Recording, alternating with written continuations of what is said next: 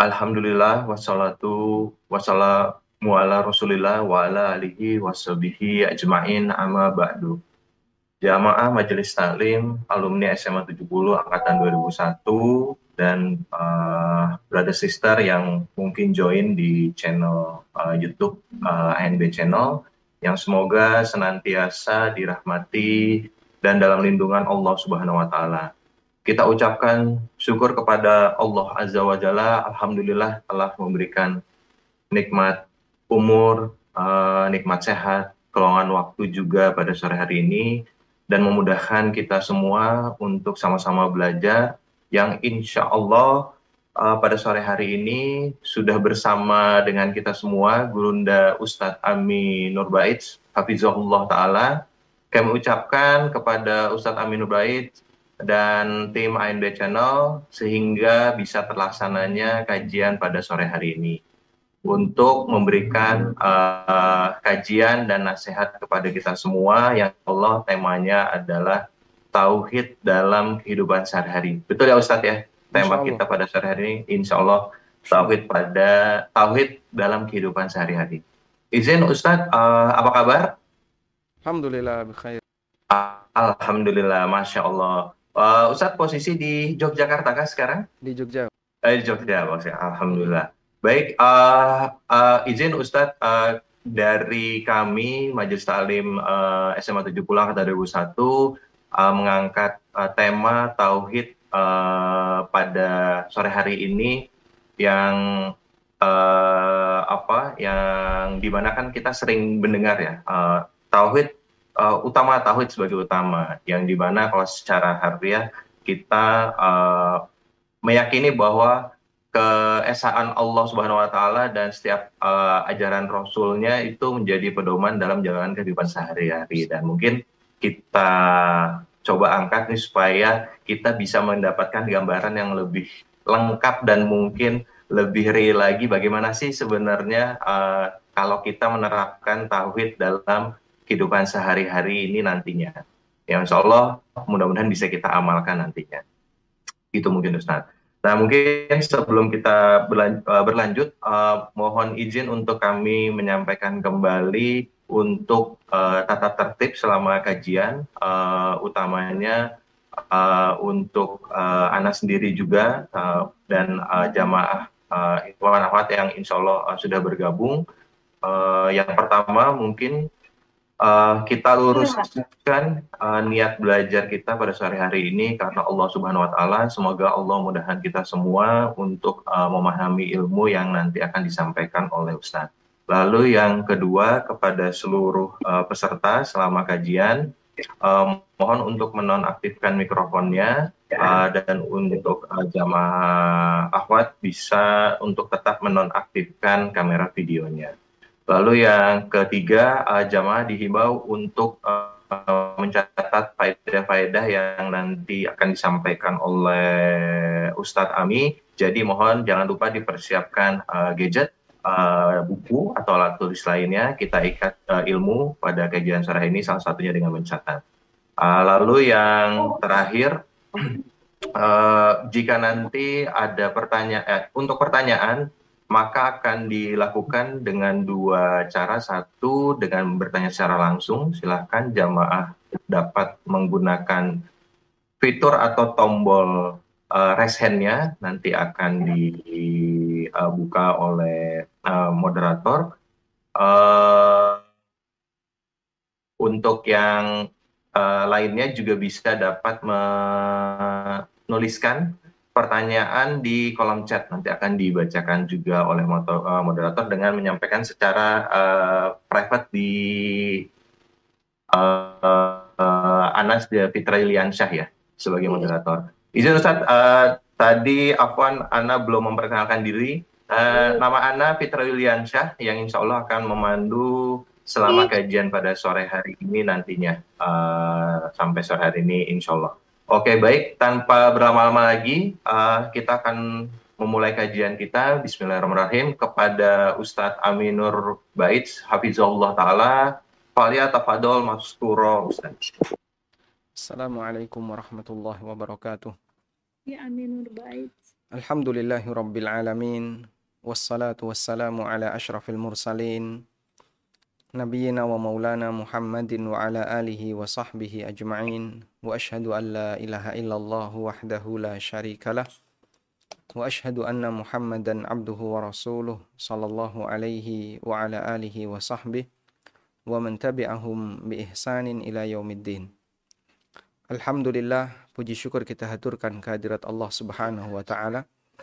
Di kesempatan sore hari ini untuk waktu Yogyakarta, Jakarta dan sekitarnya.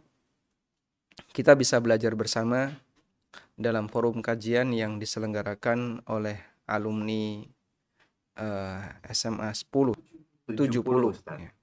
Jakarta, afwan. Jakarta.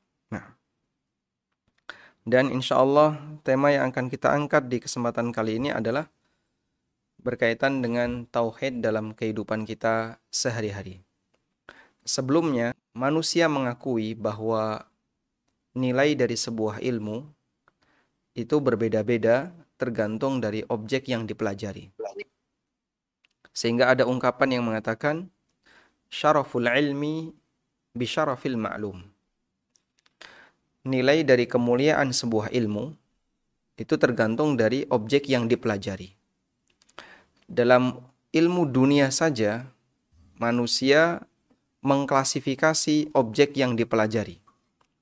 Sehingga kita mengenal bahwa orang yang kuliah di jurusan kedokteran secara umum bisa kita sebut dalam tanda kutip punya kasta yang lebih tinggi dibandingkan mereka yang kuliah di jurusan misalnya olahraga, mohon maaf ya, bukan dalam rangka untuk menyudutkan, tapi demikianlah pemahaman yang terjadi di masyarakat. Sehingga mereka yang kuliah di kedokteran bisa jadi lebih tinggi kastanya dibandingkan mereka yang kuliah di jurusan tata boga, mereka yang kuliah di jurusan teknik bisa jadi lebih tinggi kastanya dibandingkan mereka yang kuliah di jurusan ilmu yang lain. Itu dalam urusan dunia. Apalagi ketika kita membandingkan antara ilmu agama dengan ilmu selain agama. Dalam masalah ilmu agama, karena yang dipelajari adalah syariat Allah Subhanahu wa taala, maka derajatnya lebih tinggi dibandingkan ilmu-ilmu dunia yang, yang lainnya.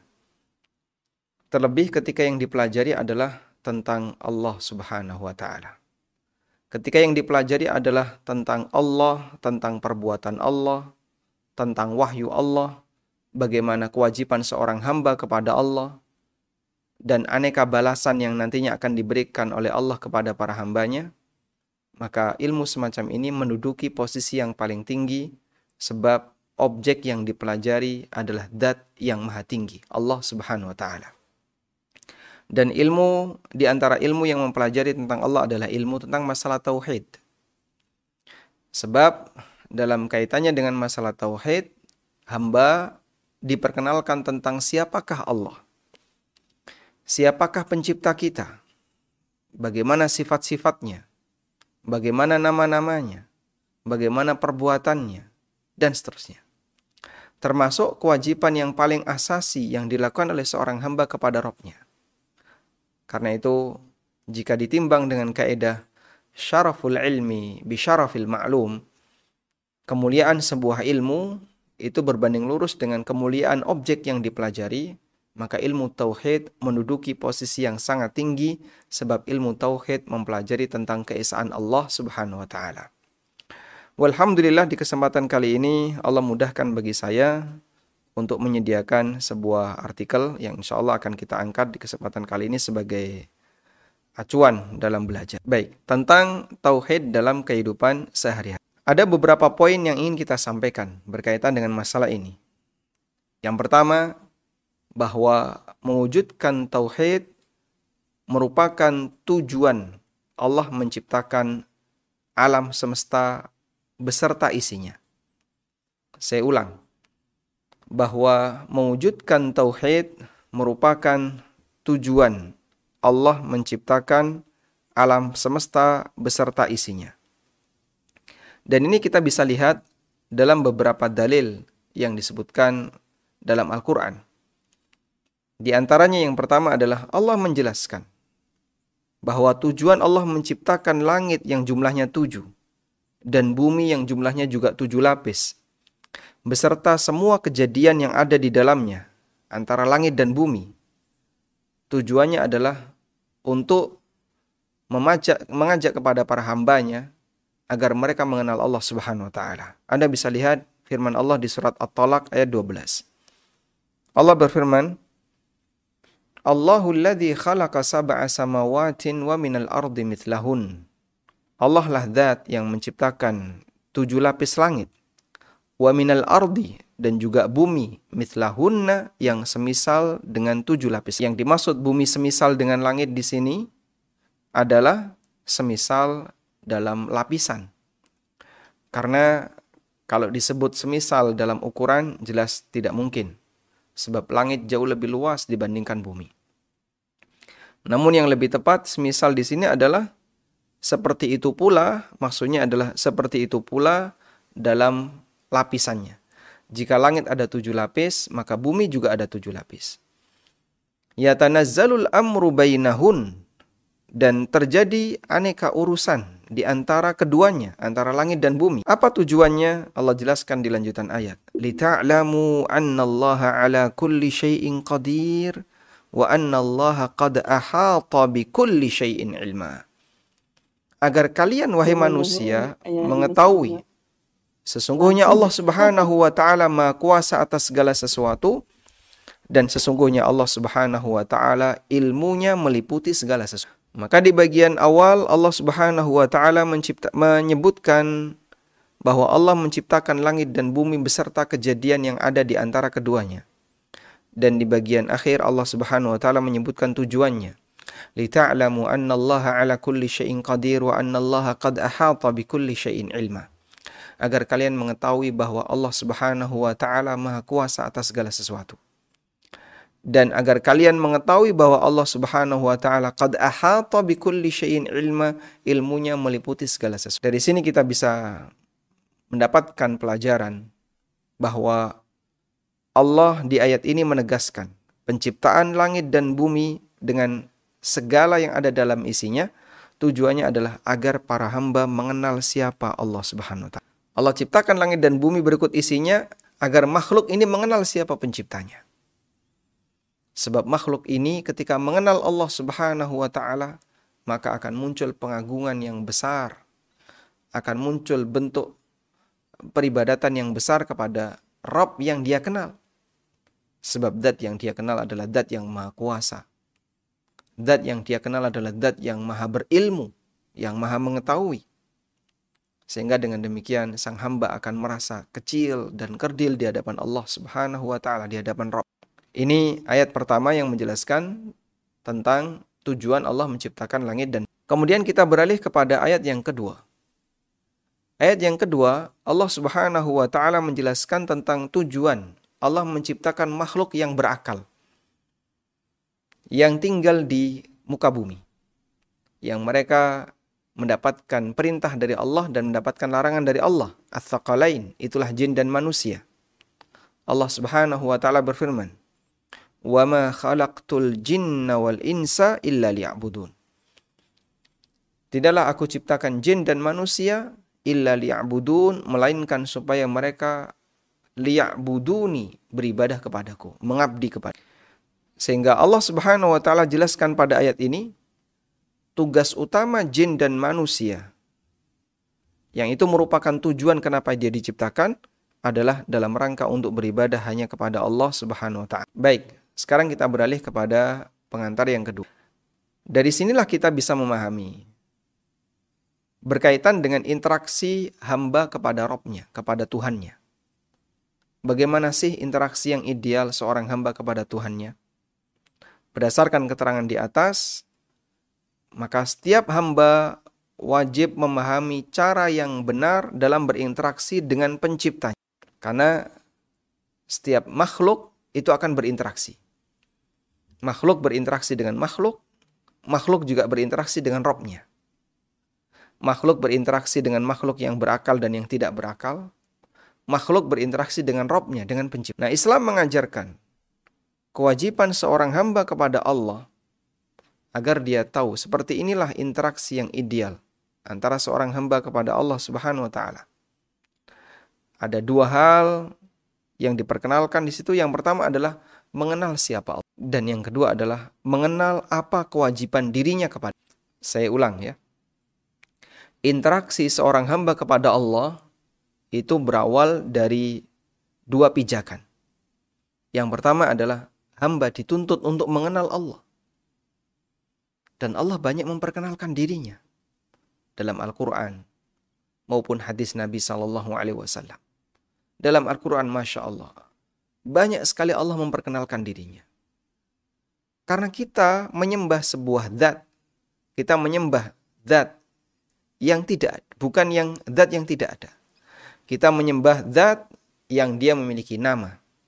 Kita menyembah zat yang dia memiliki sifat. Kita menyembah zat yang dia maha kuasa atas segala sesuatu dan seterusnya. Sehingga hamba diminta untuk mengenali siapakah zat yang kau sembah. Allah Subhanahu wa taala. Dan Allah banyak memperkenalkan dirinya dalam Al-Qur'an. Misalnya di surat Al-Fatihah, Bismillahirrahmanirrahim. Allah memperkenalkan dirinya kalau dia adalah Ar-Rahman Ar-Rahim. Alhamdulillahi Rabbil Alamin. Allah memperkenalkan dirinya bahwasanya dia adalah zat yang maha terpuji. Dan dia Rabbul Alamin. Rabb semesta alam. Yang mengatur semesta alam. Dia Ar-Rahmanur Rahim. Dia Malik Yaumiddin. Sehingga dengan ini kita tahu Allah memperkenalkan diri. Di surat Al-Ikhlas Allah memperkenalkan dirinya. Kul katakanlah ya Muhammad. Huwallahu ahad. Dialah Allah zat yang esa. Allahus samad. Allah tempat bergantung. Lam yalid wa lam yulad wa lam yakul lahu kufuwan ahad. Allah memperkenalkan dirinya. Dalam satu surat yang disebut dengan surat Al-Ikhlas. Sebagian ahli tafsir menyebutkan bahwa sababun nuzul dari ayat ini adalah adanya pertanyaan yang diajukan oleh orang-orang musyrikin. Ya Muhammad, insib lana rabbak. Wahai Muhammad, nasab Robmu itu kayak gimana sih? Nasabnya Allah itu kayak gimana? Subhanallah. Orang musyrik tanya kepada Rasulullah SAW tentang nasabnya Allah. Allah itu bin siapa? Anaknya siapa? Terus bapaknya siapa? Kakeknya siapa? Moyangnya siapa? Nasabnya Allah itu gimana? Subhanallah. Ini pertanyaan yang sangat tidak sopan ya. Yang disampaikan oleh orang musyrik kepada Rasulullah sallallahu alaihi wasallam, "Ya Muhammad, insib lana rabbak." Wahai Muhammad, seperti apa sih nasab Robmu itu? Lalu Allah Subhanahu wa taala turunkan firman-Nya. Kul katakanlah Muhammad, "Huwallahu ahad." Allah itu esa. Allahu samad. Allah dat yang maha sempurna. Karena sangat sempurna maka Allah tidak butuh makhluk, sebaliknya makhluk butuh kepadanya. Sehingga diterjemahkan dengan Allah Subhanahu wa taala tempat bergantung. Lam yalid wa lam yulad. Allah tidak beranak.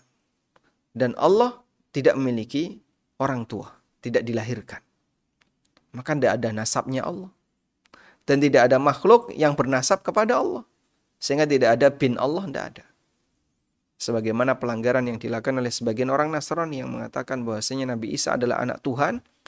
Atau pelanggaran yang dilakukan oleh Yahudi yang mengatakan bahwasanya Uzair adalah ibnullah, putra Allah.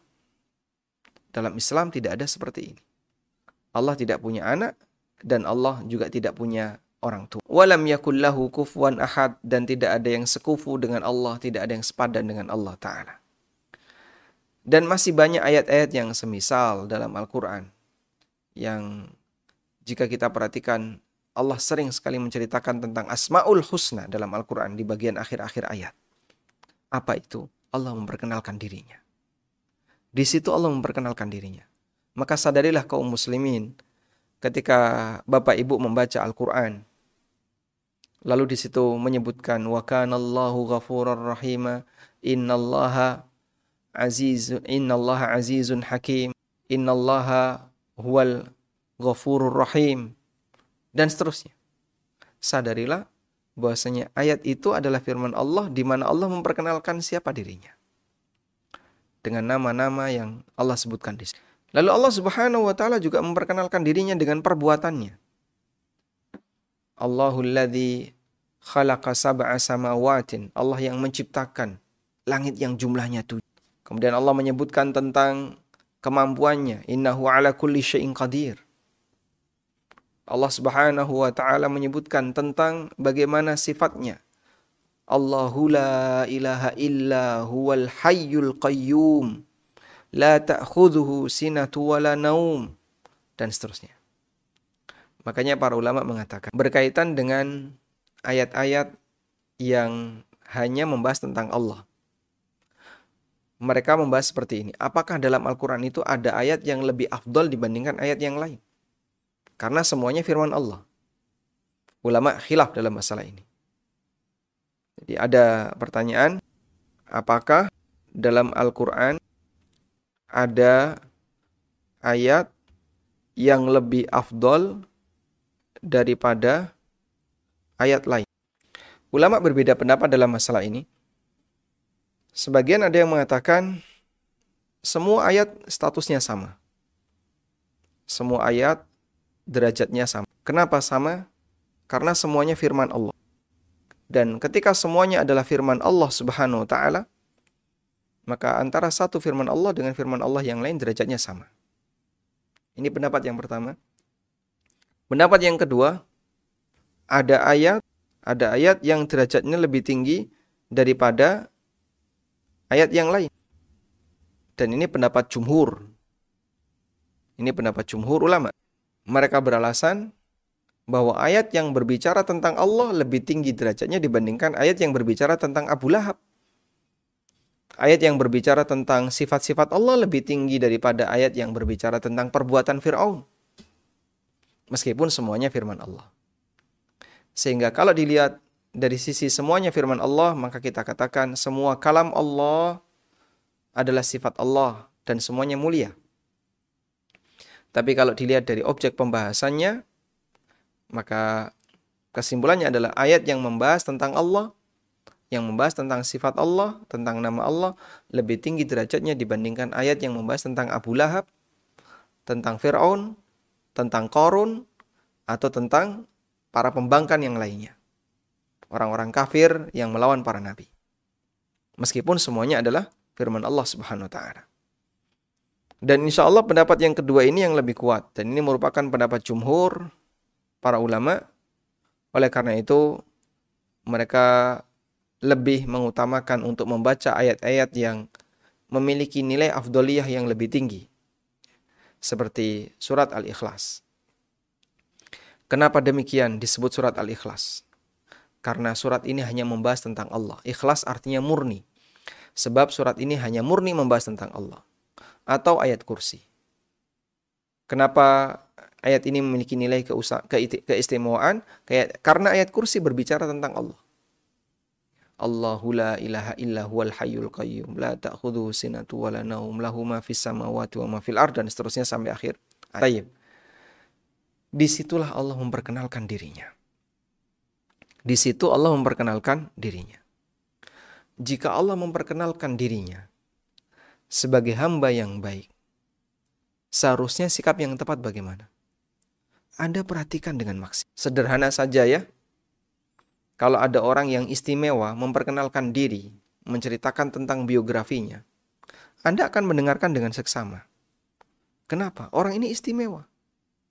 Ya, misalnya, Bapak penasaran dengan uh, tokoh yang selama ini Bapak ikuti.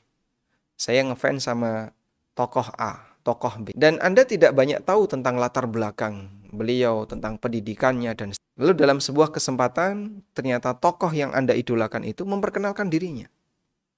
Mulai dari namanya, kemudian tempat datang dan lahir, lalu asal usulnya, kemudian eh, perjalanan hidupnya, termasuk jenjang pendidikannya, dan seterusnya. Bahkan dia cerita tentang keluarganya. Kita akan mendengarkan dengan maksimal. Karena kita anggap ini penjelasan tokoh yang penting untuk didengerin sebab Anda merasa senang dengan tokoh ini. Baik, sekarang Allah memperkenalkan dirinya dan dia adalah Rob kita. Dat yang menciptakan. Sudah selayaknya kita memberikan perhatian yang besar terhadap Allah memperkenalkan dirinya itu. Dengan cara apa? Anda pelajari tentang tauhid asma wa sifat. Tauhid berkaitan dengan nama dan sifat-sifat Allah Subhanahu wa taala. Alhamdulillah di Indonesia sudah ada banyak buku sekali, ada banyak sekali buku yang ditulis oleh para ulama yang diterjemahkan ke dalam bahasa kita. Kalau tidak salah judulnya Fikih Asmaul Husna atau apa ini. Dan buku-buku itu bisa kita jadikan sebagai panduan untuk mengenal nama-nama dan sifat-sifat Allah Subhanahu wa taala. Tayyib. Selanjutnya yang kedua adalah mengenal apa yang menjadi kewajiban diri seorang hamba kepada Allah. Setelah kamu mengenal Allah, lalu apa sih yang harus kamu lakukan kepada Allah? Nah, itu bagian yang kedua. Mengenali kewajiban kita kepada Allah Subhanahu wa taala.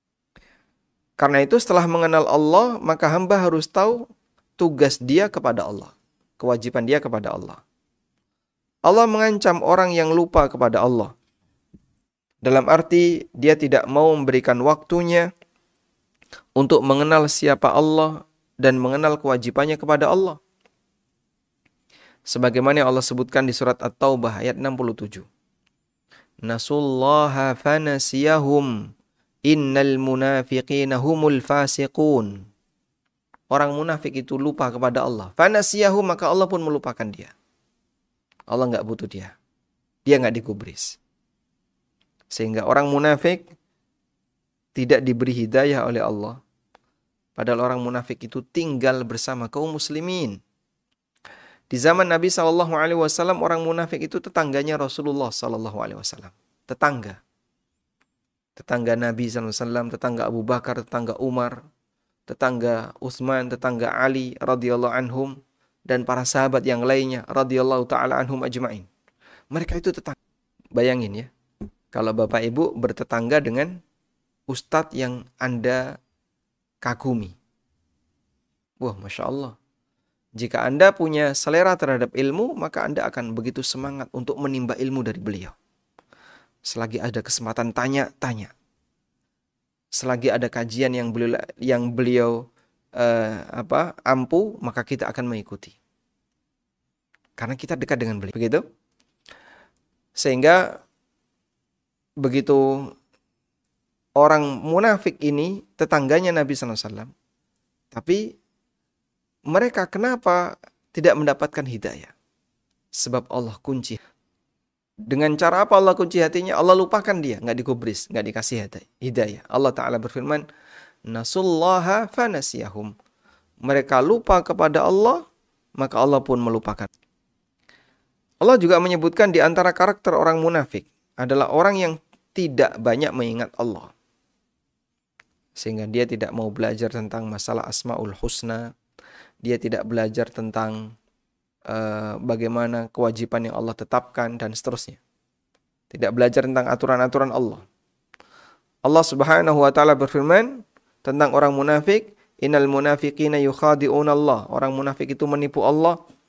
Wa huwa khadi'um dan Allah membalas tipuan mereka. Wa idza qamu ila salati qamu kusala. Orang munafik kalau salat malas-malesan.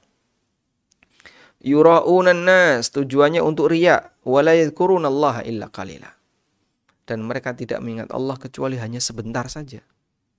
Paling dalam sholat itu dia ingat Allah pas waktu takbiratul ikhram tok. Setelah itu sudah lepas. Pikiran melayang ke mana. Allah mencela praktek seperti ini. Dan ini praktek yang dilakukan oleh orang munafik. Baik, sekarang kita akan beralih kepada makna mengenal Allah. Poin yang ketiga. Poin yang ketiga. Alhamdulillah. Apa sih makna mengenal Allah? Apa makna mengenal Allah?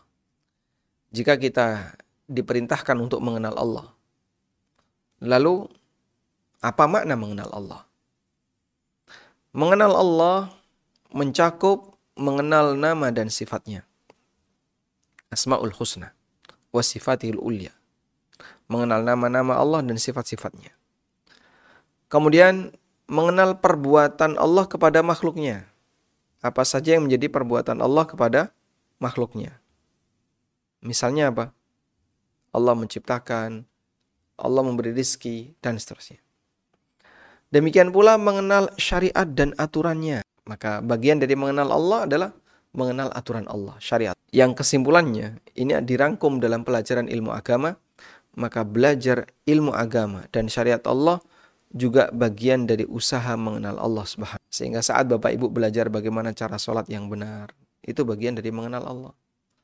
Karena kita menyadari ini adalah perintah Allah dan kita ingin melaksanakan itu dengan maksimal, maka kita belajar.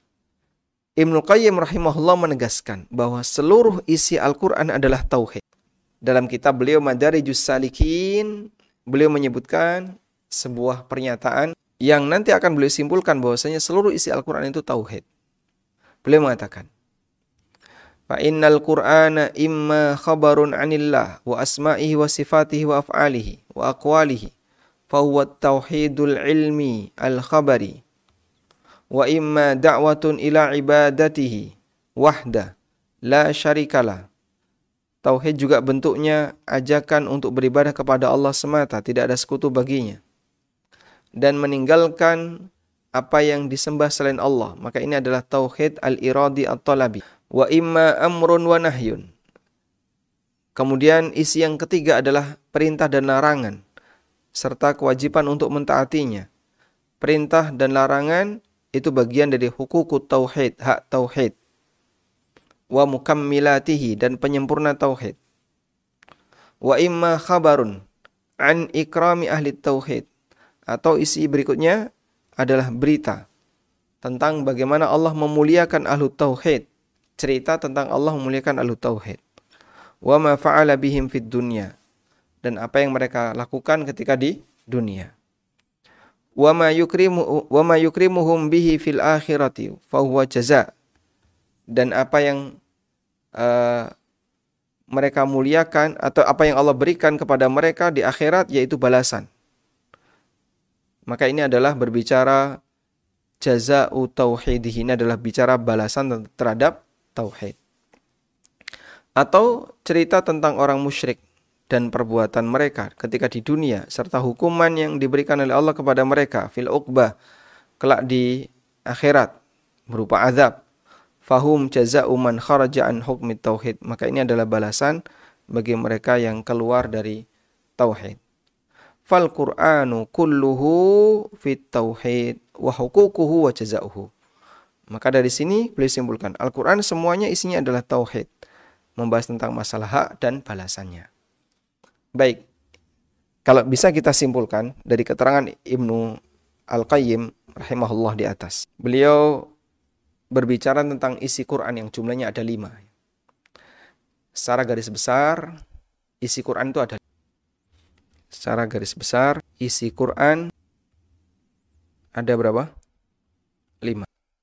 Ada lima itu kalau kita kerucutkan sebenarnya kembali kepada dua hal. Teks Al-Quran itu ada yang bentuknya uh, hukum dan ada yang bentuknya berita. Yang bentuknya hukum di sini berisi perintah dan larangan. Ya. Yang bentuknya berita, ini ada yang berita tentang khalik dan ada berita tentang makhluk. Teks Al-Quran itu ada yang bentuknya berita, berita tentang khalik dan berita tentang makhluk. Ya. Kemudian berita tentang makhluk itu ada yang uh, baik, makhluk baik, dan ada yang dolim. Lalu berbicara tentang masalah perintah dan larangan, di situ ada balasan. Balasannya ada balasan baik dan ada balasan buruk. Nah, sehingga dari sini kita bisa hitung ya, jumlahnya jadi ada lima. Pertama, isi Al-Quran yang pertama adalah berkaitan dengan masalah perintah dan larangan. Yang kedua, balasan bagi mereka yang melaksanakan perintah dan menjauhi larangan. Dapat balasan yang baik. Yang kedua, ancaman bagi mereka yang melanggar perintah dan larangan. Yang keempat, eh, berbicara tentang masalah khalik Allah Subhanahu wa taala dan berikut perbuatannya. Dan yang kelima adalah yang berbicara tentang makhluk yang baik maupun yang buruk. Sudah? Ini bisa juga kita gandengkan ya. Makhluk yang baik maupun yang buruk, ada yang yang baik nanti dapat balasan baik, yang buruk, yang dolim dapat balasan buruk. Sehingga globalnya ada lima. Pertama, Al-Quran berbicara tentang Allah. Nama-namanya, perbuatannya, sifat-sifatnya, dan seterusnya. Yang kedua, Al-Quran berbicara tentang perintah Allah perbuatan Allah memerintahkan. Allah memerintahkan, Allah melarang hukum-hukum Allah, menetap Allah menetapkan aneka aturan. Yang ketiga, Allah Subhanahu wa taala bercerita tentang orang soleh, orang baik. Yang dia melaksanakan hukum Allah seperti para nabi, orang-orang soleh masa silam yang bukan nabi seperti Luqman, Dzulqarnain dan seterusnya, Ashabul Kahfi. Dan Allah Subhanahu wa taala juga bercerita tentang orang-orang jahat. Ada Fir'aun, ada Abu Lahab, ada Haman, dan aneka orang-orang jahat yang Allah sebutkan dalam Al-Quran. Kaumnya para nabi di masa silam yang dibinasakan oleh Allah. Ada kaum Lut, ada kaum Ad, ada kaum Thamud, kemudian juga penduduk Madian. Dan yang kelima berkaitan dengan masalah balasan. Di akhirat ada surga dan neraka. Yang baik dapat surga, yang buruk dapat neraka.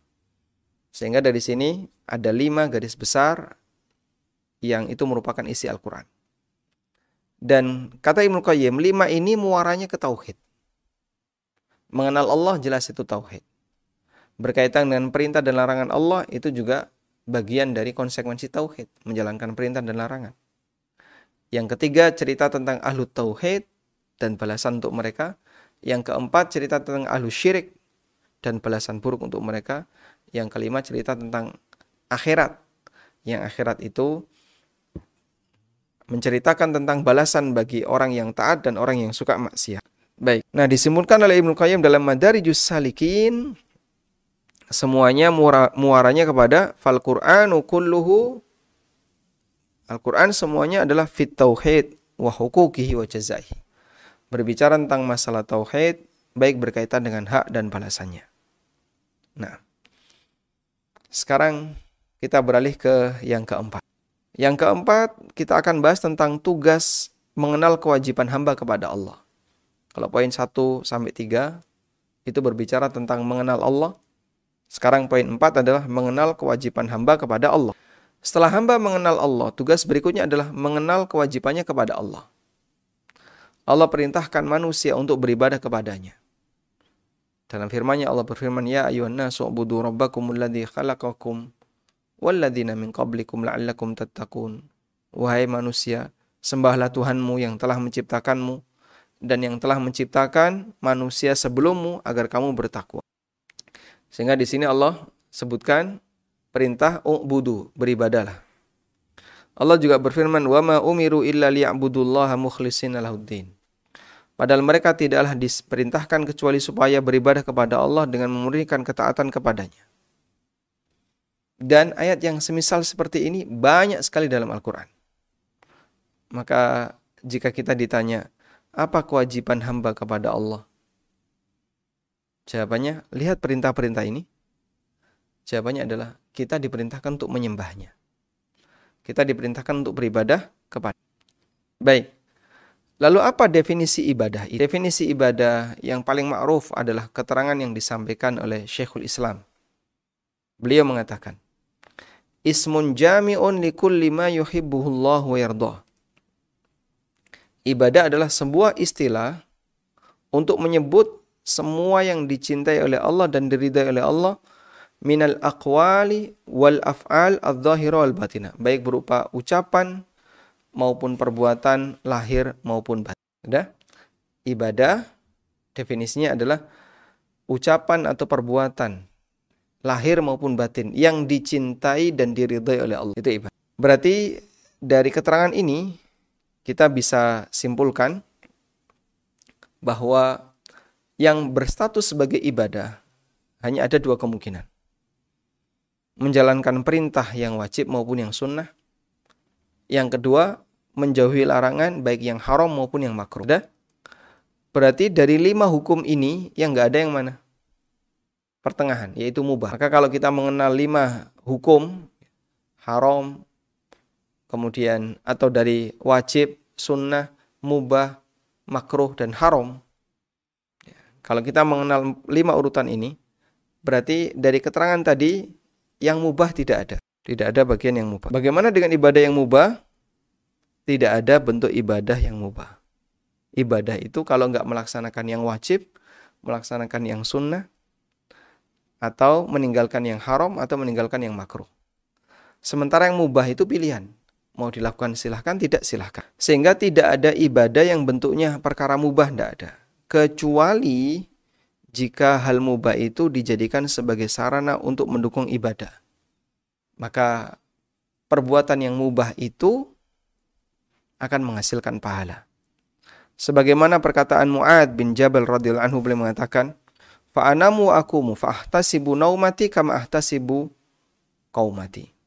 Aku tidur dan aku bangun. Aku tahajud dan aku juga tidur.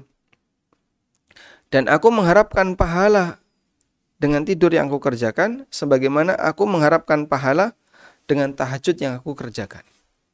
Masya Allah. Ini pernyataan cerdas dari sahabat Mu'ad bin Jabal yang bisa kita jadikan sebagai acuan bahwa sahabat tidak beribadah dengan perkara yang mubah sehingga mereka tidak beribadah dengan tidur, tidak beribadah dengan makan, tidak beribadah dengan pakai baju. Tapi mereka jadikan itu sebagai sarana untuk mendukung ibadah dan ketika itu dilakukan maka uh, apa?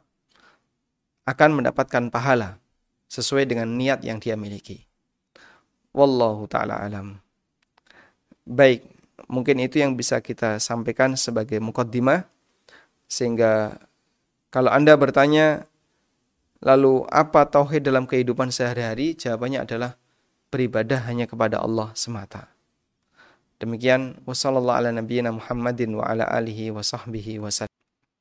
Jazakumullah khairan uh, Ustaz Ami untuk uh, penjelasannya uh, insya Allah bisa jadi uh, pencerahan untuk uh, kita semua ya Ustadz ya. Jadi tadi Ustadz menyampaikan ada lima poin utama Ustadz yang per, ada lima poin. Uh, uh, yang pertama bagaimana kita tuh di mewujudkan tauhid itu dengan uh, beribadah kepada Allah Subhanahu Wa Taala ya Ustadz ya. Terus bagaimana hmm. kita merefleksikan kita berinteraksi uh, dengan Allah dengan mengenal dan mengetahui apa sih uh, kewajiban kita kepada Allah Subhanahu wa taala. Lalu yang ketiga, bagaimana kita bisa salah satunya dengan uh, mempelajari asmaul husna Allah Subhanahu wa taala. Lalu yang keempat, bagaimana hambanya itu mengenal apa saja sih kewajiban kita kepada uh, Allah Subhanahu wa taala. Dan terakhir untuk yang uh, menjalankan ibadah yang uh, baik secara uh, lisan, perbuatan maupun uh, dari dalam hati atau secara batin mungkin gitu ya Ustadz kami ya. Bagaimana kita juga uh, mengamalkan uh, ibadah ini mengutamakan yang wajib atau sunnah, tapi uh, ditinggalkan untuk yang haram dan makruh. Baik, uh, izin Ustaz Rami, kita lanjutkan untuk ke sesi tanya jawab. Silahkan, Bismillah. Dan sudah ada beberapa pertanyaan yang masuk. Izin uh, moderator untuk bacakan. Oke. Ini hanya khusus untuk alumni SMA 70 ya? Uh, apa terbuka untuk umum, Ustaz? Oh, terbuka untuk umum. Penyelenggaranya Majelis Taklim Alumni. Baik. Bismillah, uh, Ustadz izin bertanya, bagaimana cara mengenalkan Allah dan Rasulullah Shallallahu Alaihi Wasallam dengan baik kepada anak ustaz uh, usia lima tahun agar mudah untuk dipahami. Lalu yang kedua, ini masih di, dari pertanyaan yang sama, bolehkah kita menggunakan kata semesta atau sejenisnya untuk mengungkapkan rasa mendukung orang lain? Misalnya semesta mendukungmu. Barakallahu fiq wa jazakallahu khairan. Baik. Bagaimana cara memperkenalkan Allah dan Rasulnya Sallallahu Alaihi Wasallam kepada anak usia lima tahun? Memperkenalkan Allah dan memperkenalkan Rasulnya Sallallahu Alaihi Wasallam kita berikan kepada anak sejak usia dini sesuai dengan kemampuan mereka dalam menjangkau.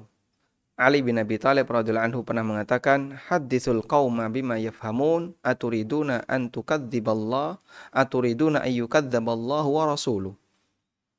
Sampaikan penjelasan kepada masyarakat sesuai dengan tingkat kemampuan mereka dalam memahami. Aturiduna ayyukadziballahu wa rasuluh. Jangan sampai salah. Apakah kalian ingin Allah dan Rasulnya didustakan gara-gara salah dalam menyampaikan penjelasan. Sehingga orang ketika salah dalam menyampaikan penjelasan, efek sampingnya justru malah membuat orang jadi ingkar kepada Allah, ingkar kepada Nabi SAW, waliyadzubillah. Oleh karena itu, ketika kita mau menyampaikan sesuatu kepada masyarakat, termasuk juga kepada anak-anak, sesuaikan dengan kemampuan mereka dalam memahami. Walhamdulillah, mengenal Allah itu bagian dari fitrah. Sehingga manusia dia lebih mudah mengenal Robnya, mudah mengenal Robnya karena itu bagian dari fitrah. Lebih sulit memperkenalkan sesuatu yang apa ya, yang sifatnya duniawi daripada memperkenalkan sesuatu yang selaras dengan fitrah.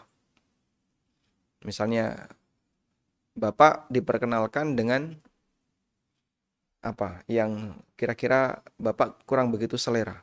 Makanan. Saya nggak suka dengan makanan. Hobi saya, misalnya hobi Anda adalah membaca. Tapi ada orang yang memperkenalkan makanan. Saat dia memperkenalkan makanan, dia memperkenalkan bagaimana cara masak makanan ini, bahan-bahannya, dan seterusnya. Dan Anda tidak familiar dengan itu. Mungkin batin Anda akan menolak. Ya paling hanya bisa mendengar, tapi tidak ada yang masuk ke dalam. Sebab kita tidak begitu berminat untuk mengenal. Lain halnya dengan memperkenalkan bagian dari syariat. Sebab ini sejalan dengan fitrah. Orang itu akan bisa mendapatkan dengan dengan baik ya, selama fitrahnya masih sehat. Apalagi anak-anak. Karena itu sebenarnya memperkenalkan Allah kepada mereka itu sangat mudah. Baik. Cuman ada bagian yang mungkin agak sulit untuk dipahami seperti masalah takdir itu sulit dipahami ada bagian yang bagian yang mungkin cukup rumit dipahami terkait masalah balasan-balasan di akhirat. Bagian ini mungkin bisa kita tunda. Tapi yang paling utama misalnya Allah menciptakan kita, Allah yang memberi rizki kita. Di mana Allah? Kan nggak kelihatan. Allah nggak kelihatan. Sebab dia dat yang maha kuasa, maha tinggi, maha besar.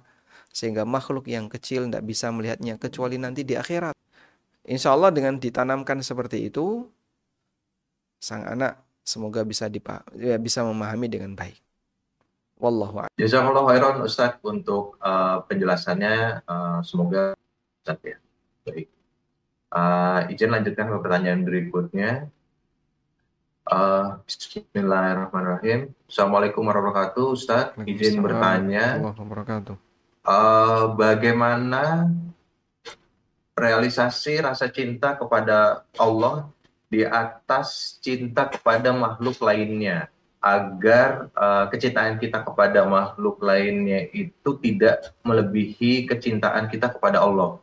Karena kalau keluarga itu ada di hadapan kita dan kalau cinta kepada Allah itu dirasakan dengan iman. Jazakallah khairan Ustaz untuk penjelasannya. Baik. Coba kita lihat contoh ancaman yang diberikan oleh Allah Subhanahu wa taala dalam Al-Qur'an berkaitan perbandingan dalam masalah rasa cinta.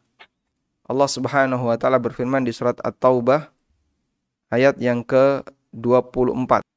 Qul in kana aba'ukum wa abna'ukum wa ikhwanukum wa azwajukum wa ashiratukum.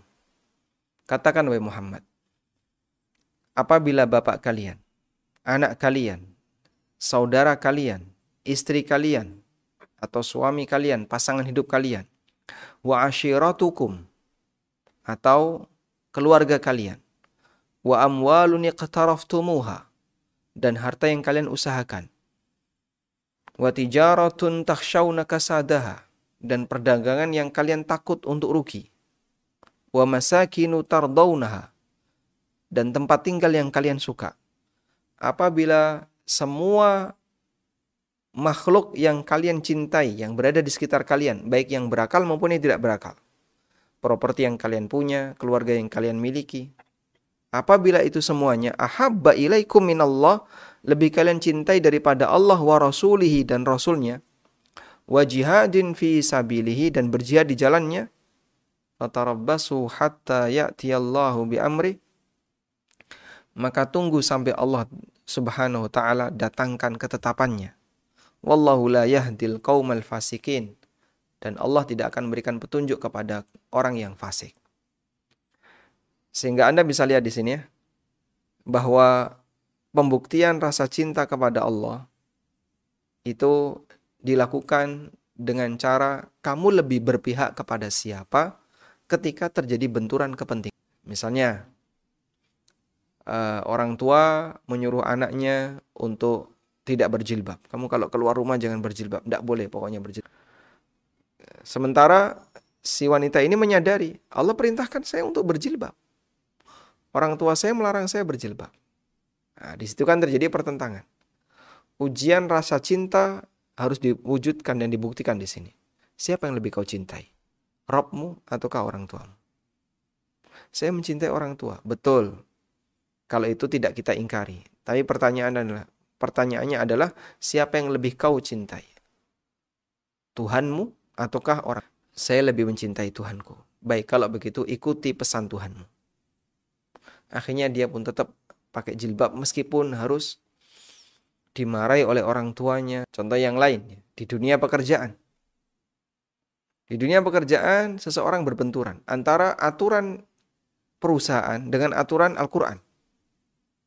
Di sini semua karyawati dilarang berjilbab. Padahal dia bekerja di tempat umum atau di tempat terbuka dalam arti laki dan wanita mereka campur. Tapi dilarang berjilbab. Maka tantangan di sini berlaku, terjadi. Ya. Mana yang lebih kau cintai? Pendapatan kamu, hartamu, ataukah aturan? Ketika dia tetap nekat berjilbab, bisa jadi dia akan dikeluarkan tapi dia tidak takut kehilangan sumber pendapatan. Karena dia cinta Allah subhanahu kurang lebih seperti itulah pembuktian cinta Allah melebihi yang lainnya. Dan dalam kehidupan sehari-hari misalnya ketika kita uh, mendengar adzan lalu kita masih sibuk dengan pekerjaan mana yang kau pilih? Bertahan dengan pekerjaanmu ataukah kau tinggalkan pekerjaanmu dan mendatangi panggilan Allah Subhanahu wa taala? Sebutkan ini dalam Al-Qur'an Rijalun la tulhihim tijaratun wala bay'un an dzikrillah. Ada beberapa orang yang mereka tidak uh, terpengaruh dengan perdagangan dan jual beli an dzikrillah sehingga meninggalkan zikrullah. Allah memuji orang ini dan mereka adalah para sahabat yang ketika mereka berdagang begitu adzan terdengar langsung ditinggalkan dagangannya dan menuju masjid.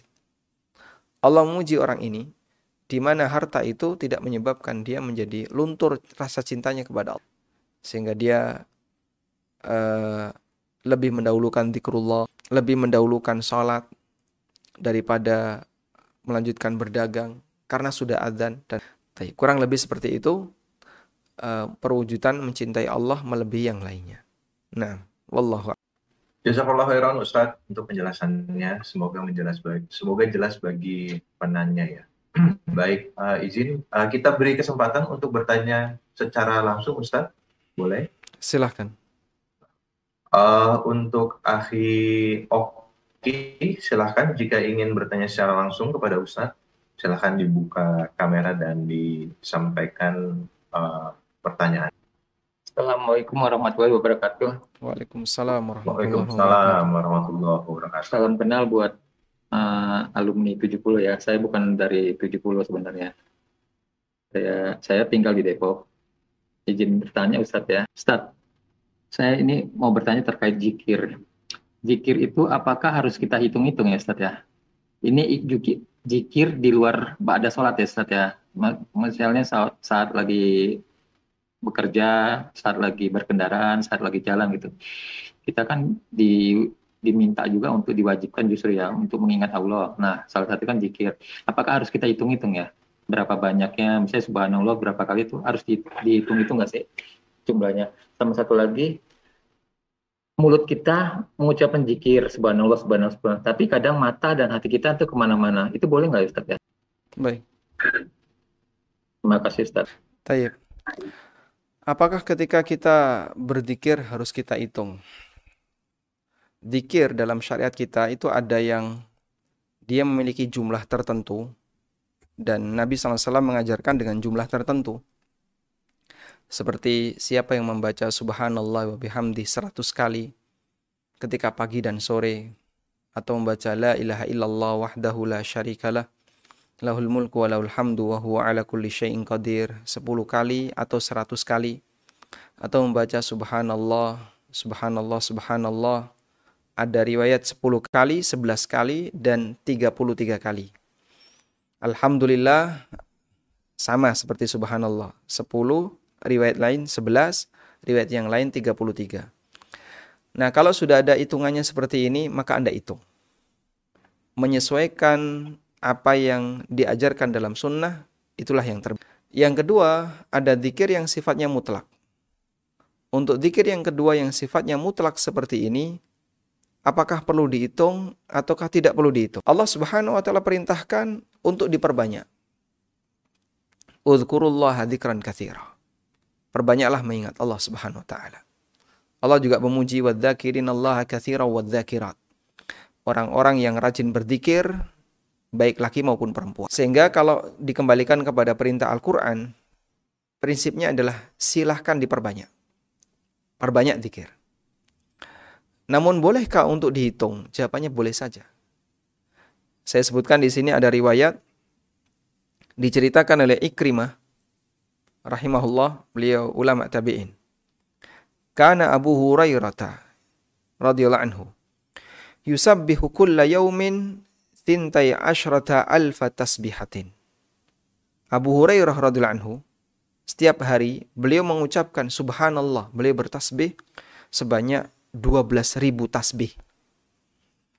Ada angka itu kan berarti dihitung. Wa dan Abu Hurairah mengatakan usabbihu ala qadri diyati. Aku bertasbih sesuai dengan kemampuan fisikku. Subhanallah, subhanallah, subhanallah. Sampai ketika dihitung itu sebanyak 12.000 kali per hari. Wa dzukira anna Khalid anna Khalid bin Ma'dan wa kana min sadati tabi'in. Dan diceritakan bahwasanya seorang ulama yang bernama Khalid bin Ma'dan dan beliau termasuk di antara ulama tabi'in kana yusabbihu fil yaumi arba'ina alfa tasbihatin.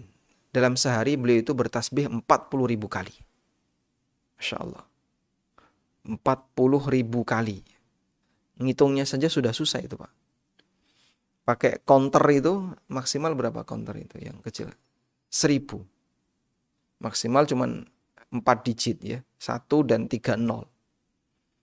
Itu diulangi empat kali. Empat, eh, empat puluh kali. Empat puluh ribu kali. Membaca tasbih. Subhanallah, subhanallah, subhanallah. Wa kana Umair bin Hani yusabbihu kulla yaumin mi'ata alfi tasbihatin. Dan Umar bin Hani setiap hari itu bertasbih seratus ribu kali. Ini ulama-ulama masa silam yang lisannya selalu basah dengan dan Rasulullah SAW juga mengajarkan itu la yazalu lisanuka radban bidzikrillah. Intinya untuk zikir yang sifatnya mutlak Anda bisa perbanyak dengan cara dihitung di angka ribuan atau dilepas tanpa hitungan. Dua-duanya insya Allah diperbolehkan. Yang penting silahkan perbanyak berzikir. Selanjutnya bagaimana apabila kita berzikir? lisannya mengucapkan dikir tapi pandangan matanya mengarah ke arah mana pun ya. dan aktivitas gerakannya juga bergerak yang nampaknya tidak sinkron dengan dikir yang dibaca. Dikir itu bertingkat. Ada dikir yang paling tinggi derajatnya yaitu dikir yang sinkron antara lisan dan batin. Ini yang paling tinggi. Kemudian yang kedua adalah zikir batin tapi bisa jadi lisannya tidak berzikir. Sehingga misalnya lisannya sedang berbicara, tapi batinnya sedang mengingat Allah. Dan mungkin itu terjadi. Dia bicara dengan si A, dengan si B, atau dengan orang tuanya, atau ketika dia berdakwah. Dalam batinnya, yang dia rasakan adalah pengagungan kepada Allah. Ini tingkatan yang kedua. Yang ketiga, zikir lisan saja tapi tidak batin. Seperti orang yang mengucapkan dan rajin membaca zikir subhanallah subhanallah subhanallah sampai ribuan kali. Tapi mungkin dia beraktivitas yang nampaknya nggak sinkron antara aktivitas dengan zikirnya. Ya, seperti ini boleh tapi pada derajat tingkatan yang lebih rendah. Wallahu a'lam. Jazakallah khairan Ustaz untuk penjelasannya untuk akhir Oke, semoga menjadi jelas dan mungkin bisa insya Allah diamalkan juga. Uh, Afwan, Ustaz, uh, masih ada waktu untuk beberapa pertanyaan lagi mungkin? Insya Allah. Insya Allah, Alhamdulillah. Baik, izin untuk ke pertanyaan selanjutnya, Ustaz. Bismillahirrahmanirrahim. Assalamualaikum, izin bertanya Ustaz, bagaimana caranya membangun rasa tertarik untuk menjalankan ibadah dan bertauhid kepada Allah untuk orang-orang yang hatinya sedikit keras. Karena kembali lagi imbalan untuk amalan-amalan soleh bersifat kasat mata. Jadi terkadang susah untuk meyakinkan mereka. Sebagai contoh, kadang panggilan meeting oleh bos selalu datang tepat waktu, tapi panggilan sholat selalu ditunda-tunda. Jazakallah khairan Ustaz untuk jawaban. Waalaikumsalam warahmatullahi wabarakatuh. Di situlah sebenarnya pembuktian cinta seorang hamba sedang diuji. Mana yang lebih kau cintai? Meeting bersama bosmu? Ataukah ketemu Allah Ta'ala dalam sholatmu? Sehingga seorang hamba harus bisa memberikan prioritas. Kecuali begini ya. Kecuali begini. Meeting selesai jam 1 misalnya. Jam 1 siang dan dari mulai jam 10 selesai jam 1. Dan eh, apa bos apa sudah memberikan pemberitahuan nanti kita akan sholat berjamaah setelah meeting jam. Kemudian datang waktu sholat duhur jam 12. Mana yang lebih baik? Anda keluar dari forum meeting lalu sholat sendirian? Ataukah nunggu ikut meeting sampai jam 1 kemudian sholat jamaah? Dalam hal ini ulama mengatakan lebih baik Anda nunggu sampai jam 1 lalu sholat jamaah. Kenapa demikian? Karena Anda bisa berjamaah. Kalau tadi Anda keluar jam 12, Anda sholat sendirian. Dan ketika Anda keluar jam 1, Anda bisa berjamaah. Tapi Pak, di sini kan waktunya beda. Yang satu tepat waktu adzan, yang satu ditunda satu jam. Nah, untuk sholat duhur ini agak longgar. Karena duhur itu tidak ada waktu doruri. Waktu doruri itu waktu di mana orang boleh menggunakannya jika dia punya uzur. Contoh yang ada waktu dorurinya itu asar. Salat asar itu ada dua waktu. Ada waktu ikhtiari, ada waktu doruri. Waktu ikhtiari itu ketika matahari masih putih. Jam berapa Pak? Ya tergantung adan asarnya jam berapa. Kalau misalnya adan asar jam 3, ya kira-kira jam 4 sampai jam 4 itu matahari masih putih. Lebih dari itu matahari kuning sampai akhirnya tenggelam untuk batas matahari kuning sampai tenggelam hanya boleh digunakan bagi mereka yang punya uzur. Kalau orang secara sengaja malas-malesan, nyantai, lalu menunda sholat sehingga matahari sudah mulai nguning, baru sholat asar, dia berdosa meskipun sholatnya sah. Sehingga dalam hal ini, sholat asar ada waktu ikhtiari, yaitu waktu di depan tadi. Antara jam 3 sampai jam 4, Anda mau di awal, di tengah, di akhir, silahkan. Tapi lebih dari jam 4 kalau nggak punya udur dosa. Sebab yang lebih dari jam 4 ini waktu doruri. Nah pertimbangan seperti itu harus dimiliki oleh seorang muslim agar dia bisa menempatkan posisinya yang yang benar ketika melaksanakan sholat. Beberapa mahasiswa UIM untuk mata kuliah yang nanggung ya. Misalnya adanya jam 12 kurang 15. Mata kuliahnya sampai jam 12. Kalau dia keluar kurang 15 menit, dia akan sholat sendirian.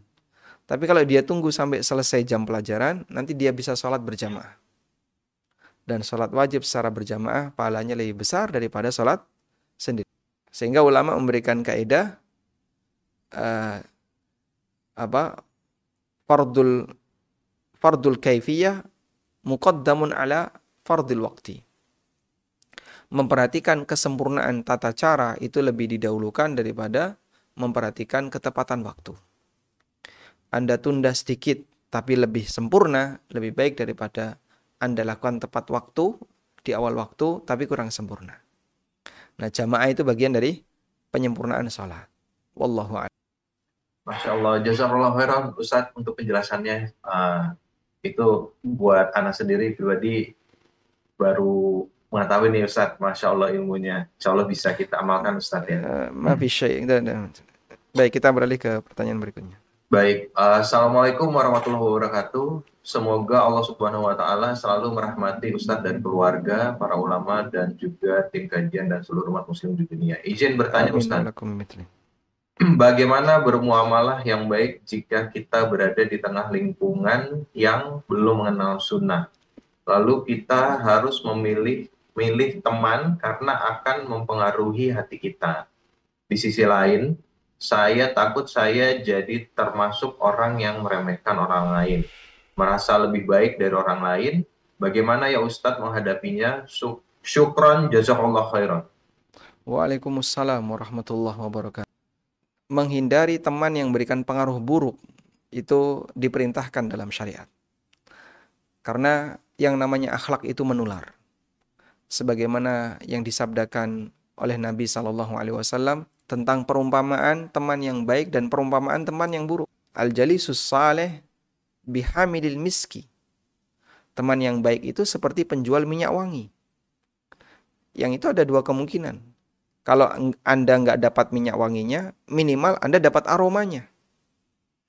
Karena penjual minyak wangi, kalaupun Anda nggak dapat minyak wangi, kita kan dapat aroma wanginya itu. Maka demikian pula ketika Anda bersahabat dengan orang baik, ada dua kemungkinan. Anda menjadi baik atau minimal Anda mendapatkan kebaikan dari orang ini. Misalnya, Anda bersahabat dengan orang dermawan. Ada dua kemungkinan. Anda ketularan jadi dermawan, atau minimal Anda mendapatkan pengaruh baik dari kedermawanannya itu. Sehingga makan siang sering ditraktir ya. Atau ketika naik angkot dibayarin dan seterusnya. Tayyib. Sehingga berteman dengan orang baik tidak ada ruginya. Karena minimal kita mendapatkan pengaruh baik dari orang. Sebaliknya, kata Nabi SAW, Wa mathalul jalisis su dan perumpamaan teman yang buruk bina fihil kir. Itu seperti blower yang digunakan pandai besi. Pandai besi ketika memanaskan besi ditungku, ditiup pakai blower. Nah, blower ini namanya nafihul kir. Ketika kita dekat dengan benda seperti ini, ada dua kemungkinan. Kita kebakar atau kena asapnya. Kita mungkin nggak kebakar, tapi kena asapnya. Sehingga saat orang berteman dengan teman yang nggak baik, ada dua kemungkinan. Yang pertama, dia ketularan jadi buruk. Ya. Misalnya temannya siapa sih? Orang yang nggak bisa jaga lisannya. Suka misuh, keluar binatang, mengumpat, kalimat-kalimat yang nggak sedap untuk didengerin. Bisa jadi itu ketularan dia. Atau yang kedua, minimal dia kena pengaruh buruknya. Sehingga saat dia salah dikit, ya, dikata-katain dengan, wah Masya Allah kebun binatang keluar semua. Maka ketika kita menghindari teman yang buruk, bukan berarti kita merasa suci. Bukan karena kita merasa apa hamba Allah yang sudah sempurna takwanya bukan.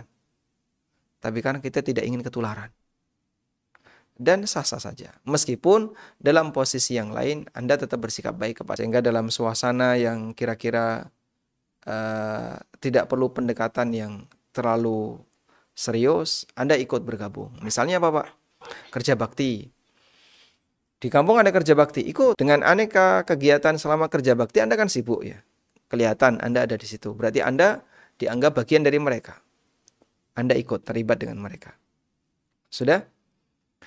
Tapi di saat yang sama Anda menjaga interaksi sehingga paling ngobrol-ngobrol ringan aja ya tidak begitu serius ketika apa berinteraksi dengan orang-orang yang mereka punya akhlak yang buruk misalnya. Tayyib. Cuman ini kita bicara untuk masalah akhlak ya. Tapi kalau bicara tentang masalah budaya dan adat, Anda tinggal di sebuah lingkungan yang punya budaya, yang budaya itu bertentangan dengan aturan syariat. Nah ini perlu hati-hati dan waspada. Karena jangan sampai Anda bergesekan dengan budaya itu dinilai melawan budaya. Wah itu bisa berbahaya. Karena mungkin masyarakat nggak terima. Ya meskipun boleh bagi kita untuk nggak ikut. Tapi silahkan bermain cantik dalam arti gimana Pak? Ya tidak begitu kelihatan. Kalau Anda sebenarnya tidak setuju dengan itu sehingga tidak perlu ditampil, ditampilkan secara frontal. Wallahu a'lam. Insyaallah jazakallahu khairan Ustaz, semoga menjadi jelas uh, untuk penanya. Baik, izin ke pertanyaan berikutnya. Assalamualaikum warahmatullahi wabarakatuh, Ustaz. Waalaikumsalam warahmatullahi wabarakatuh. Afwan izin bertanya, kakak kandung saya non-muslim dan ada rencana menikah sesuai kepercayaannya di gereja. Apakah saya sebagai adik satu-satunya bisa dan diperbolehkan datang dan menghadiri acaranya? Mohon sarannya Ustadz, juga bagaimana jika tidak diperbolehkan, bagaimana saya menyampaikannya ke kakak dan keluarga saya? Syukran wa jazakallahu khairan. Nah, kalau kita lihat dari keterangan para ulama ya, di sini ada penjelasan, bolehkah menghadiri undangan pernikahan non-muslim? Di sini ada keterangan. Dalam kitab Al-Insaf dinyatakan, tukrahu ijabatuha ala sahihi minal madhab. Tidak disukai untuk menghadiri undangannya menurut pendapat yang sahih dalam madhab, yaitu madhab hambali. Qultu zahiru kalamil imami Ahmad rahimahullah al-mutaqaddam adamul karaha wa wasawab. Lalu dikomentari oleh penulis kitab Al-Insaf bahwa kalau dari zahir perkataan Imam Ahmad, beliau tidak memakruhkan. Dan ini yang benar. Kemudian dalam kitab Nihayatul Muhtaj, ini kitab madhab syafi'iyah. Fala tajibu ijabatu dhimmiyin. Menghadiri undangan orang kafir dhimmi tidak wajib bal tusannu tapi dianjurkan in rujiya islamuhu jika ada harapan masuk Islam au kana nahwa qaribin au jarin atau karena alasan dia adalah tetangga, kerabat dan seterusnya. Baik. Namun ini berlaku apabila Anda mendatangi undangan walimah tersebut jika atau berlaku di ketika walimah itu dilakukan di tempat yang tidak ada kemungkaran ala fardi khuluwi makanid da'wati minal munkar. Jika tempat itu tidak ada praktek kemungkaran. Tapi kalau ada praktek kemungkaran, misalnya praktek kesyirikan dan seterusnya, kita dilarang untuk datang. Allah Subhanahu wa taala berfirman, "Wa qad nazzala 'alaikum fil kitabi an idza sami'tum ayatullahi yukfaru biha an idza sami'tum ayatillahi yukfaru biha wa yustahza'u biha fala taq'udu ma'hum. Bukankah telah turun keterangan kepada kalian dalam Alkitab jika kalian mendengar ayat-ayat Allah dikufuri dan dihinakan fala taq'udu ma'hum maka jangan hadir bersama mereka hatta yakhudu fi haditsin ghairi sampai mereka membahas permasalahan yang yang lain. Innakum idzam mithluhum jika kalian tetap duduk berarti kalian bagian dari mereka, sama seperti mereka. Menikmati kemungkaran. Nah, kalau Anda bisa pastikan bahwa praktek pernikahan di tempat ibadah non-muslim ini nanti akan ada kegiatan-kegiatan kesyirikan dan seterusnya, ya Anda tidak boleh datang. Tapi nggak ada opa, itu cuman di situ dicatat terus pulang misalnya. Nggak ada kegiatan kesyirikan, silahkan Anda ikut. Sehingga Anda mungkin perlu tanya kepada orang-orang Nasrani atau orang-orang yang apa seagama dengan kakak Anda, kira-kira nanti kalau kegiatannya di tempat ibadah itu apa saja? Sehingga Anda bisa menyesuaikan.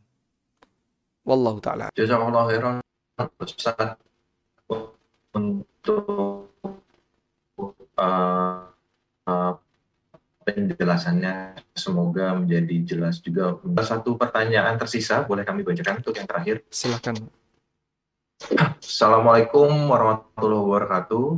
Assalamualaikum. Afwan izin bertanya Ustadz, bagaimana sikap Anda sebagai orang tua yang saat ini hanya sanggup menyolok, menyekolahkan anak di sekolah yang belum menerapkan sunnah? Sebagai contoh untuk bacaan doa sehari-hari menurut Anda belum uh, sesuai sunnah yang disyariatkan.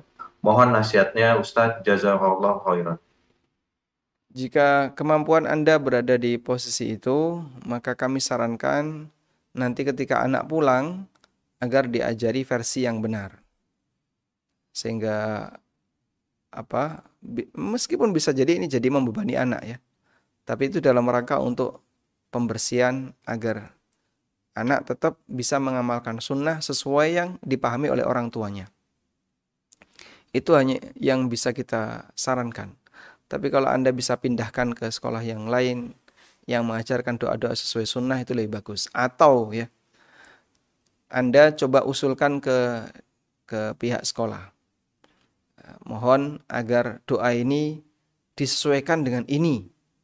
Karena hadisnya bunyinya seperti ini, teks doanya kayak gini. Diterima walhamdulillah, tidak diterima berarti Anda sudah menyampaikan pesan itu. Bisa melalui komite sekolah, atau langsung ke kepala sekolah atau bersinggungan dengan bagian keagamaan. Wallahu a'lam. Masya Allah. Jazakallah khairan Ustaz. Uh, Afwan Ustaz, kebetulan ada jamaah yang raise hand. Apakah masih ada waktu untuk bertanya secara langsung? Baik, satu no. Satu. Baik, Alhamdulillah. Uh, baik, untuk uh, Husnul, silahkan jika jika ingin memberikan pertanyaan secara langsung kepada Ustaz. Oke. Okay. Tafadol. Jazakallahu khairan atas kesempatannya. Afwan Ustadz izin bertanya terkait tadi pekerjaan Ustadz. Ini kan Ana juga pengen apa ya sesuai dengan ajaran Islam gitu ya mengenai pekerjaan yang akan Ana ambil gitu. Ada tawaran ini pekerjaan di akuntan akuntan di perusahaan Ustadz. Pak kan bisa jadi ada potensi mengenai mencatat riba gitu Ustaz. Apakah itu diperbolehkan Ustaz? Jazakallahu khairan. Baik. Tolong Anda bedakan antara mencatat transaksi riba dengan mencatat hasil transaksi riba. Itu dua hal yang beda. Misalnya perusahaan X bertransaksi dengan bank ribawi Z. Lalu mereka duduk satu meja, kemudian mereka melakukan akad, di situ ada klausul-klausul akad, terus tanda tangan. Nah, yang mencatat kejadian itu, itulah yang mencatat riba. Pencatat transaksi. Lain halnya dengan ini ya. Perusahaan X punya deposito di bank. Lalu dari deposito itu, perusahaan memiliki bunga per bulan, anggaplah misalnya 10 juta. Ada bunga 10 juta per Nah, pihak akuntan kan menyalin itu dalam pembukuan yang sudah disediakan. Sehingga diklasifikasi pemasukan apa saja, pengeluaran apa saja diklasifikasi. Termasuk bagian itu adalah nilai bunga. 10 juta yang didapatkan dari uang deposito. Apakah ini disebut sebagai pencatat riba? Jawabannya tidak. Dia nggak mencatat transaksi. Yang dia lakukan hanyalah mencatat hasil transaksi. Dan itu dua hal yang berbeda. Maka bedakan antara mencatat akad dengan mencatat hasil akad. Wallahu. Insyaallah jazakallahu khairan Ustaz untuk uh, penjelasan dan nasihatnya. Uh, baik, izin kita sudah di penghujung acara. Jazakumullah khairan Ustadz untuk semua ilmu dan nasihatnya. Semoga Allah Azza wa Jalla senantiasa memberikan taufik dan hidayah kepada kita semua, menjadikan kita istiqomah dalam menuntut ilmu dan uh, menjadikan ilmu ini sebagai ilmu yang bermanfaat yang insya Allah dapat membuahkan keimanan dan juga uh, amal soleh. Amin Allahumma amin. Uh, tak lupa kami ucapkan uh, terima kasih banyak kepada Ustadz Aminur Bait, Hafizullah Ta'ala dan tim dari ANB Channel uh, sehingga bisa terselenggaranya kajian pada sore hari ini dan kami sebagai pengurus atas nama pengurus dari uh, Majelis Taklim SMA 70 tahun 2001 juga uh, mohon maaf jika ada kekurangan uh, selama terselenggaranya uh, acara. Uh, dan uh, insya Allah kita ketemu dalam kajian uh, berikutnya. Baik, uh, izin menutup uh, kajian pada sore hari ini dengan doa kafaratul majelis. Subhanakallahumma wa bihamdika asyhadu an la ilaha illa anta astaghfiruka wa atubu ilahi. Wabillahi taufiq wal hidayah. Wassalamualaikum warahmatullahi wabarakatuh. Waalaikumsalam warahmatullahi wabarakatuh.